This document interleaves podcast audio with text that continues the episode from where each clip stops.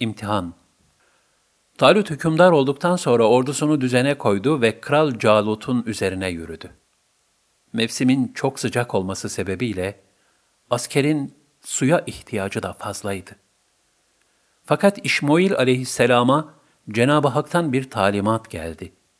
Bu ilahi emri öğrenen Talut, Allah sizi suyla imtihan edecek.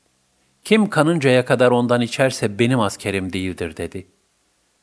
Önlerindeki nehirden ancak bir avuç içmeye izin verilmişti. İbn Abbas radıyallahu anhuma'ya göre bu nehir, Şeria diye isimlendirilen Ürdün Nehri'dir. Talut ve askerleri bahsedilen ırmağın kenarına geldiler. Ordu 80 bin kişiydi. Bunun 76 bin kişisi talimat dışında kana kana su içtiler. Sadece 4 bin kişi emre itaat etti. Daha sonra bunların pek çoğu da firar etti. Geriye sadece 313 kişi kaldı. Bu sayı Bedir Harbi'ne iştirak eden mümin askerlerin sayısıyla aynıdır. Nitekim Bera radıyallahu anh'ten şöyle nakledilmektedir. Biz Hz. Muhammed sallallahu aleyhi ve sellemin ashabı olarak şöyle derdik. Bedir'de bulunanların sayısı, Talut'un Filistin nehrini beraber geçtiği mümin askerlerinin sayısı olan 313'tür.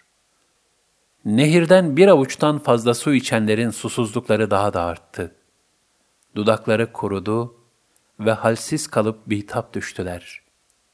Nihayetinde perişan oldular. Emri dinleyenlere ise aldıkları bir avuç su kafi geldi. Ayrıca imanları kuvvetlenip cesaret ve güçleri ziyadeleşti. Ayet-i kerimede buyurulur. Böylece Talut, askerleriyle Kudüs'ten ayrılınca onlara şöyle dedi. Muhakkak ki Allah sizi bir nehirle imtihan edecektir. Buna rağmen kim ondan içerse artık benden değildir. Eliyle bir avuç içtiği müstesna, kim de ondan izin verilenden fazlasını tatmazsa, işte şüphesiz o bendendir. Fakat içlerinden pek azı müstesna, hepsi ırmaktan kana kana içtiler. Talut ve iman edenler beraberce ırmağa geçince, bugün bizim Calut'a ve askerlerine karşı koyacak hiç gücümüz yoktur dediler. Allah'ın huzuruna varacaklarına inananlarsa, nice az sayıda bir birlik, Allah'ın izniyle çok sayıdaki birliği yenmiştir. Allah sabredenlerle beraberdir dediler. El-Bakara 249 Ayet-i kerimede askeri disipline dikkat çekilmektedir. Bir ordunun muzafferiyeti, her şeyden önce kumandanın emirlerine harfiyen riayet etmekle mümkündür.